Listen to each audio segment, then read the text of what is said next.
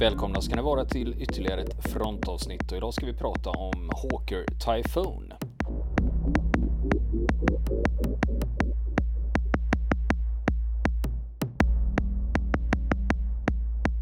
Ja du Niklas, Hawker Typhoon. Ja, just det. Det är, det är ju så att vi har ju tidigare på, i fronten pratat lite grann om eh, flygplanskonstruktioner som eh, inte alltid var så lyckade. Eh, nu senast så snackade vi ju om eh, eh, Avro Manchester, bombplanet, som hade stora motorproblem och eh, som man sen fick designa om och som eh, till slut blev en Lancaster som blev eh, det mest framgångsrika brittiska bombplanet under andra världskriget. Ur spillrorna av det här, det här då eh, eländiga projektet. Och eh, det finns ju andra, många andra sådana där konstruktioner där man har så att säga kämpat ibland. Eh, piloter har fått kämpa mot alla odds för att bemästra någonting som kanske inte var så lyckat när det lämnade ritbordet eller, eller eh, flygplansfabriken. Och eh, det här är en liten mix det vi ska prata om idag, för det här är en konstruktion som på många sätt eh, inte var speciellt bra som hade många barnsjukdomar och en del problem som man aldrig blev av med och som eh, kunde vara dödliga för piloten. Få dödlig utgång för piloten. Eh, men som ändå blev ett av krigets mest framgångsrika plan.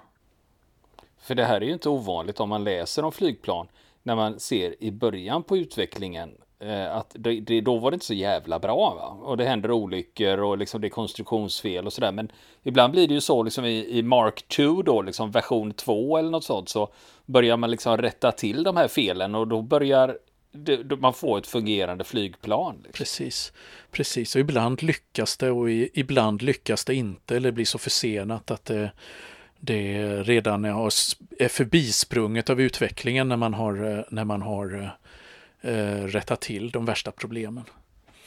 Så eh, kan, till exempel eh, det tyska bombplanet Heinkel 177 är ett sådant exempel. Att när man väl hade fått, eh, fått ordning på det så hade man inte samma behov av bombplan för att bomba främmande städer och industrier utan man hade fullt upp med att försvara sitt eget land. Men då har vi Hawker Typhoon då som vi ska prata om. Och det, om, om man tänker på de här planen då, det är ett ganska, det är ett ganska kantigt brittiskt plan till utseendet. Och ofta när man tänker på det så föreställer man sig det som att det har fullt av raketer under vingarna.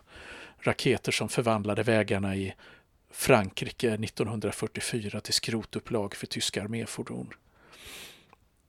För det är sin roll då som ett attackplan Eh, eller jaktbombare som man kallade det på den tiden då, som det har eh, attackjakt skulle vi väl säga i Sverige, som, eh, som eh, det blev berömt och som det hade sin eh, storhet i. Men det började på ett helt annat sätt, det här planet då, för det, det, det började konstrueras redan i slutet av 30-talet. Och eh, blev då alltså sen ett väldigt mäktigt plan av flera anledningar senare under kriget. Och det första var att det var ett enormt stort plan jämfört med andra ensitsiga jaktplan. Och för det andra så var det extremt kraftfullt, en mycket kraftfull motor som gjorde det väldigt snabbt för sin tid. Och det var en helt brutal vapenplattform och satte en ny standard för attackplan, kan man säga. Och det kom alltså från eh, fabriken, flygplanstillverkaren Hawker. Det är samma fabrik som tillverkat Sopwith Camel under första världskriget och sen Hawker Fury och då mest berömt Hawker Hurricane.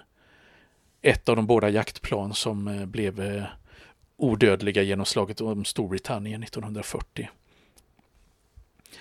Och Hawker Hurricane togs i tjänst i slutet av 30-talet, alltså ett par år före kriget.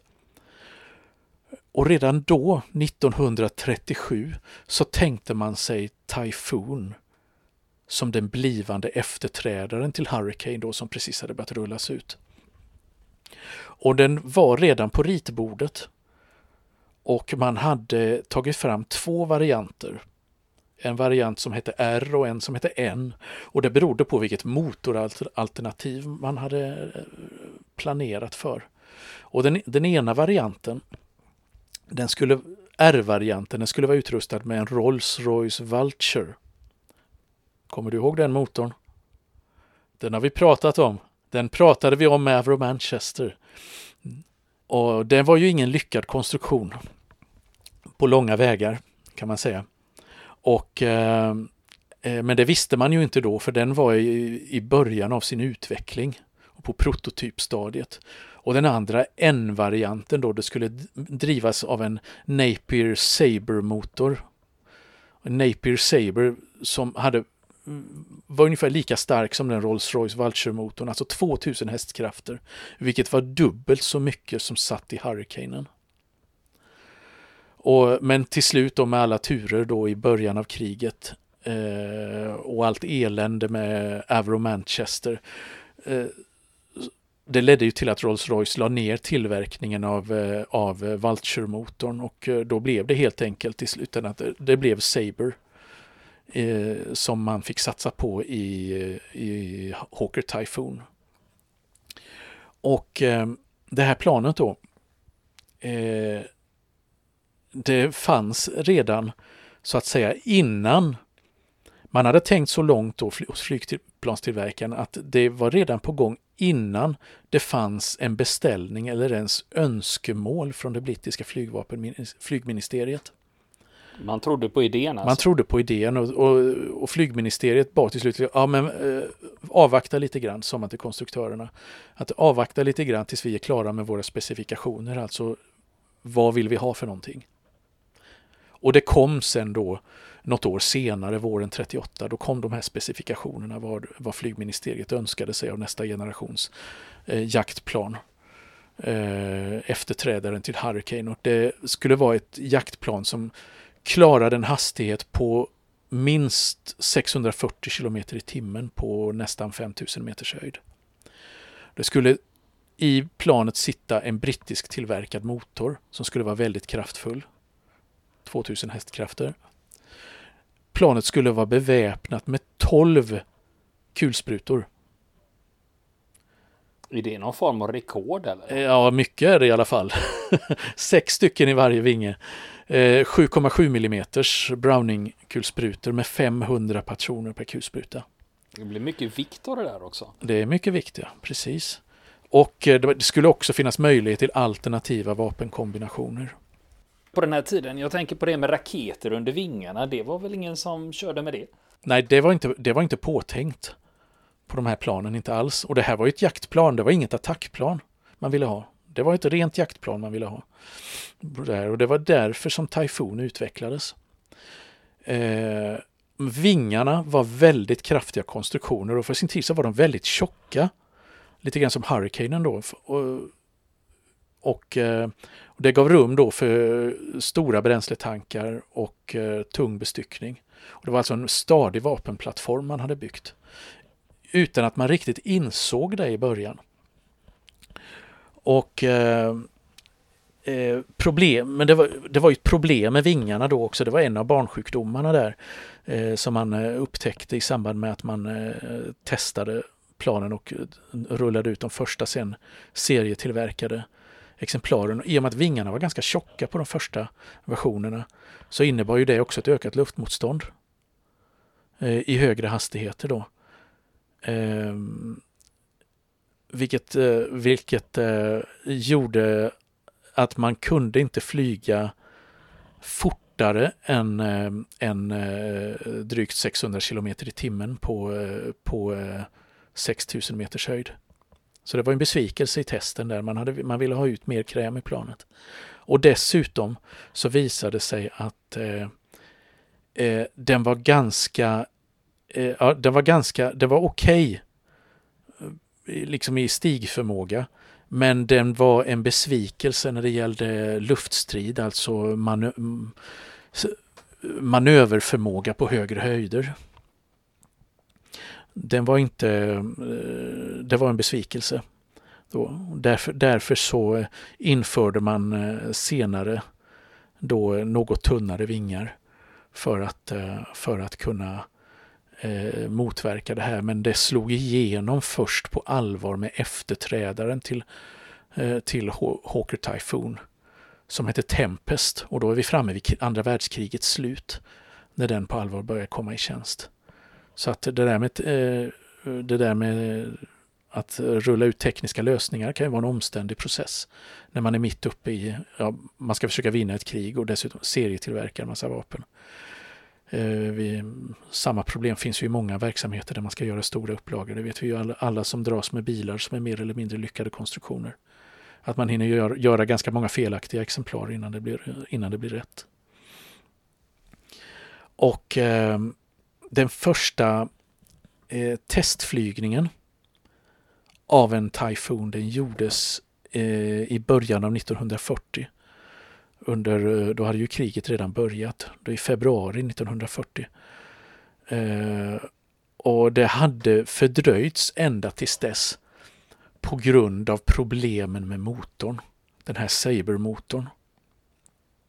Som, eh, och det var lite grann samma, samma sak som med, eh, med eh, eh, Vulture-motorn i Manchester. Att det var ju egentligen, det var, det var eh, en motor med, med 24 cylindrar. Och det var två motorer som man hade slagit samman runt en gemensam drivaxel. Och eh, det gav upphov till samma problem som man hade med Valcher-motorerna, nämligen den var oerhört komplicerad.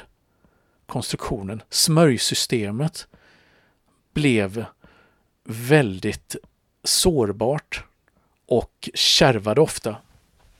För det du beskrev när det gäller mm. Vulture, det var väl en X-motor? Det var en X-motor. Att, eh, det, liksom som, det var två V-motorer äh, som du slog samman till ett X. Medan man ja. lägger dem ovanpå varandra. Här hade man H-motorer. Här var alltså, eh, alltså cylindrarna ställda som ett H mot, mot varandra i, eh, i, eh, i, i, i Saber-motorn. Och, så att man, man hade problem med det och fick problem under hela den tidiga processen där. Eh, även efter att man trodde att motorn var färdigutvecklad. Då, så hade, drabbades man av ständiga problem i början med eh, just att eh, oljesmörjningen eh, inte fungerade, motorerna skar i flykt och så vidare. Och det kan ju vara lite jobbigt. Eh, kan man ju lugnt säga. Och det var inte bara det att man hade problem med, eh, med motorerna. För vid en av provflygningarna våren 1940 så upptäckte man också att prototypen hade problem med själva skrovkonstruktionen. För det var så att en av, en av pilot, den pilot som flög då eh, han hette Philip Lucas för övrigt. Men han kunde helt plötsligt, han hörde helt plötsligt det knaka till och sen kunde han se dagsljuset ljuset strömma in genom flygplanskroppen bakom cockpit. Och planet höll alltså på att knäckas i två delar. Men istället för att hoppa så landade han ändå planet. Så att man kunde liksom få en... Eh, förklaring? Ja, för få en förklaring. Ja, få det liksom... Eh, eh, att konstruktörerna kunde titta på det istället för ett, eh, ett helt förstört vrak. Och eh, den där, den där landningen som skedde med stor fara för sitt eget liv gjorde att han, han fick medalj för, för det här senare. Eh, Planet försenades också av andra orsaker, då, utvecklingen av det. Eh, och det var så här att när kriget hade börjat på allvar i Frankrike våren 1940 så beslutar eh, den brittiska flyg, eh, eh, flygministern, eller till flygproduktionsministern Lord Beaverbrook, att eh, alla resurser ska koncentreras på att producera ett visst antal flygplanstyper. Fem stycken huvudsakliga flyg, flygplanstyper Och det är Spitfiren och det är Hurricanen när det gäller jaktplanen. Och på bombplanssidan så är det Whitley, Wellington och Blenheim. Alltså där finns inte Typhoon med. Och därför, det här ledde till att alla resurser styrdes om då. Och det gjorde att utvecklingen av Typhoonen då eh, saktades ner och fördröjdes. Och eh, den fortsatte då, pågick under slaget om Storbritannien ändå på sparlåga och eh, även senare under blitzen. Och eh, våren 41 så har man tagit fram en ny prototyp. Och då har man eh, istället för de där kulsprutorna, för det insåg man eh, under tiden där då att eh, även om man sätter många monterar många kulsprutor i planet så räcker det inte för att sänka fiendeplan, många fiendeplan tillräckligt snabbt. Vi, man måste ha något kraftigare för att ge både, både snabb, ytterst e-, effektiv eh, verkan i målet på kortast möjliga tid. För jag tänker, du berättade ju att man hade kulsprutor som var 7,7 kalibers. Ja, just det. Och jag vet inom flyg så har man ju använt sig av kraftigare grejer för att ha sönder andra flygplan. Jajamän. Här var det väl mest kulor i luften man, eh, man tänkte på. Jag vet inte riktigt hur. Mest bly i luften. Eh, som, var, som var det som eh, den dominerande tanken i början. Men här då, på den andra prototypen, då har man skippat kulsprutorna. Då har man istället satsat på kanoner i vingarna. Och eh, i den andra prototypen då i maj 41. Och eh, det här är eh, då, den, den heter Hispano Mark 2, den kanonen som man satte på. Det är 20 mm eh, kanon med 140 eh, granater per, per eh, kanon då. Och eh, det här vapnet då, eller det, den kom ju att sitta i, den här eh, automatkanonen kom att sitta sedan i Typhonen under, under eh, de, dess eh, existens då. Och eh, den har ju också en svensk historia. Men du, innan du går in på den svenska historien, hur många sådana här kanoner hängde de i den då? Jaha, sa jag inte det? Ja, det var fyra stycken. Okay. Fyra kanoner. 20 mm. Och Hispano-kanonen, den har som en del kanske av våra mer vapenkunniga eh, frontenlyssnare vet, så har ju den eh, använts och licenstillverkats i Sverige. Eh, det är ju en, eh, för att eh, det är ju från början en schweizisk kanon. Utvecklades i Schweiz av eh, en vap vapentillverkaren Hispano Suiza. Tillverkades sedan i Sverige då av Carl Gustavs eh, stads gevärsfaktori. Och har bland annat då suttit i olika varianter i eh, tunnan och eh, lansen till exempel.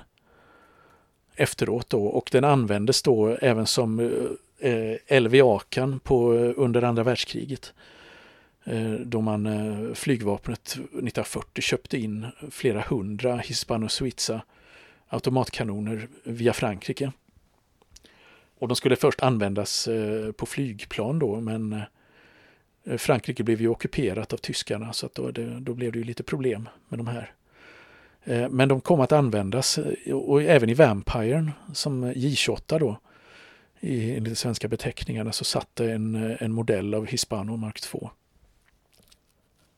Så att eh, det kan man ju tänka på att eh, sam, samma kanoner som, eh, som användes i Typhonen under andra världskriget användes senare under kalla kriget av svenska flygvapnet. Och de användes ju, en variant av de här var ju när, när Tunnan och Vampire skrotades så användes de senare av pansartrupperna då i pansarbandvagn 302. Men då hade man modifierat dem och sänkt eldhastigheten på dem. Så att de levde ganska länge. En del av dem är fortfarande i tjänst. Eh, enligt uppgift då på pansarterrängbil 203 till exempel. Och det är ju, det är en kanon som har, som har använts då i över 70 år. Det kan man ju tänka på. För de som tycker det är intressant. Det är rätt imponerande, så det är en lyckad konstruktion då som många har varit nöjda med. Finns på många håll i världen. den användes för att skjuta ner både Messerschmittar och, eh, och eh, Focke-Wulf-plan. Efter de här eh, våren 41 så gjorde man alltså de sista testflygningarna. Då hade, beslutade man snabbt att eh, att, eh, för då hade utvecklingen gått ganska snabbt på sluttampen där. Och då hade man eh, då beslutat från flygministeriets sida att eh, flygtillverkaren Hawker då skulle, skulle bygg, få bygga tusen nya jaktplan.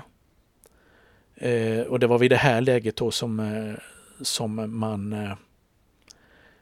så hade man fortfarande inte övergett Vulture-motorn alltså på, på ritbordet utan man hade fortfarande kvar det som ett alternativ. Så eh, man ville ha 500 Hawker Tornado och 250 Typhoons i början. Eh, men man skulle avgöra de slutliga, slutliga ska man säga, eh, antalet av vardera flygplanstyp när man väl hade kunnat jämföra dem med varandra och se hur de fungerade. Men sen var det ju den detaljen då att Hawker fick inte bygga dem själva. Typhoonplanen, inte huvudfirman Hawker. För flygministeriet bestämde att Hawker skulle koncentrera sig på att spotta ut så många hurricanes som möjligt. Istället så fick Tornado byggas av en annan firma. Men det var ett dotterbolag till Hawker då, det, är Gloster. Eh, bland annat, företaget som bland annat är känt för Gloster Gladiator, den här tvåvingade eh, jaktplanet som eh, användes bland annat av finska flygvapnet. Ja, vi hade ju sådana i Sverige också. Mm, det hade vi, precis. Och eh, så att då fick eh, Gloster istället bygga eh, Typhoon-planet. Produktionen eller omställningen av produktionen gick eh, på Gloster gick eh, väldigt fort. Man anpassade sig väldigt fort och det första serietillverkade flygplanet det flög faktiskt redan samma månad som testflygningarna hade avslutats. I maj 1941, närmare bestämt den 27 maj 41, vilket är också ett, eh, ett viktigt datum i, eh, i eh, andra världskrigets historia, för det var just samma dag som Bismarck sänktes. Och, så att det var tre, tre veckor efter, efter andra prototypen hade flugit så hade redan det första planet lämnat Eh, det rullande bandet. I eh, samma år, då, några månader senare efter att det första, första serietillverkade planet hade eh, lämnat fabriken, då, så börjar det i september 41 Typhoon att levereras till RAFs Fighter Command. Som jag sa tidigare då, så att trots att planet visade sig vara extremt snabbt i vändningarna på låg höjd, så var det en besvikelse på högre höjder. Och det visar sig då att eh, när det väl började serietillverkas att på, på höjder över 15 000 fot, då är vi på över 5 000 meter, så var det faktiskt underlägset Spitfiren som man hoppades också kunna ersätta med Typhonen. Och dessutom så när det då började rullas ut på förbanden hösten 1941 så, och våren 42 så hopade sig de tekniska problemen ännu mer. Man, eh, man upptäckte då bland annat att den här väldigt komplexa sabermotorn den fortsatte krångla. När det hade börjat tas i aktiv tjänst 1942 så upptäckte man att de här allvarliga konstruktionssvagheterna i flygkroppen som man trodde att man hade åtgärdat, de fanns kvar. Piloter började hamna i mystiska flygolyckor. Det fanns sällan någon överlevande som kunde berätta vad som hade hänt. De flesta piloterna dog. Som förolyckades, eller som, som var inblandade i de här olyckorna. Då. Så att det tog ett tag innan, innan, det, eh, innan man upptäckte vad, eh, vad det handlade om. Eh, man fortsatte ju göra testflygningar också med den för att se vad 17 är det som pågår. Och en pilot såg man, eller då, då bevittnade man det från marken vad som hände, att man såg hur det tappade aktern. Det ramlade bort alltså? I luften, ja, i luften. Det ramlade av. Och resten av planet hamnade i en okontrollerad spinn. Piloten kunde inte hoppa utan eh, krascha i marken och eh, omkom. När man börjar undersöka det här då, då, då, då kopplar man det här till de tidigare krascherna då. Och, och börjar utreda detta. Och, och upptäcker att det är just där eh, akterdelen, stjärtdelen av planet eh, är infästad i resten av, eh, av eh, flygplanskroppen. Där så har man en svaghet och det verkar utlösas av vibrationer i planet i höga hastigheter. Så att då jobbade man med att förstärka detta på olika sätt och man försökte med ett metallband runt och, man, och det blev för tungt. Och då gjorde man med lite finare metallbitar som man kallar för fiskfjäll då i, eh, på RAF-språk för i den här tiden då så man monterade ett slags band på insidan för att förstärka upp det här och till, till slut så så, eh, så trodde man att man hade så att säga löst de här problemen men det visade sig att det, hände, det fortsatte hända då och då under hela eh, tyfonens livstid att vissa plan tappade skärten och gick i backen. Och eh, trots de modifieringar och förstärkningar man hade gjort och eh, det visade sig att det hade bland annat då med, med luftströmmar att göra som hade orsakades av, eh, av vinklaffarna eh, som var en del av boven i dramat. Men man kom, lyckades aldrig, trots en del modifieringar, att full, helt och hållet komma till rätta med problemen. Och eh, ibland, ibland så eh, ja, man kunde tillskriva en del av krascherna eh, till materialutmattning helt enkelt, för då var det plan som hade varit i tjänst länge och då till slut så så eh, bröts de sönder i luften. Mm, men det var, alltså, det var alltså när den varit utsatt för påfrestningar ett tag. Då kunde det här inträffa. Det var inte det att man lyfte med en helt ny kärra? Och... Jo, i början, var det, ja, i början var det ju detta att man lyfte med helt nya kärror och så, och så gick de sönder.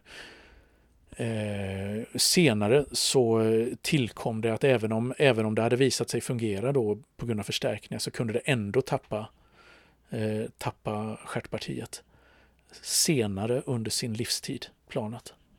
Och då, då tillskrev man det materialutmattning i det hela. Så att eh, det, var ju, det var ju ett stort problem.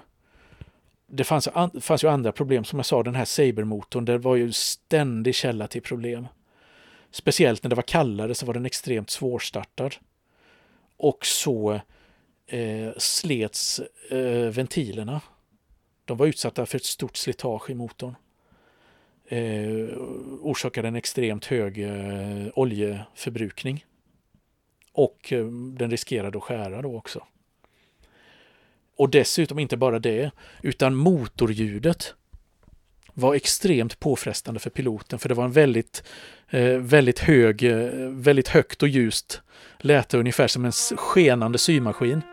Kan man säga, lät den här motorn och det var många som tyckte att det där var extremt jobbigt.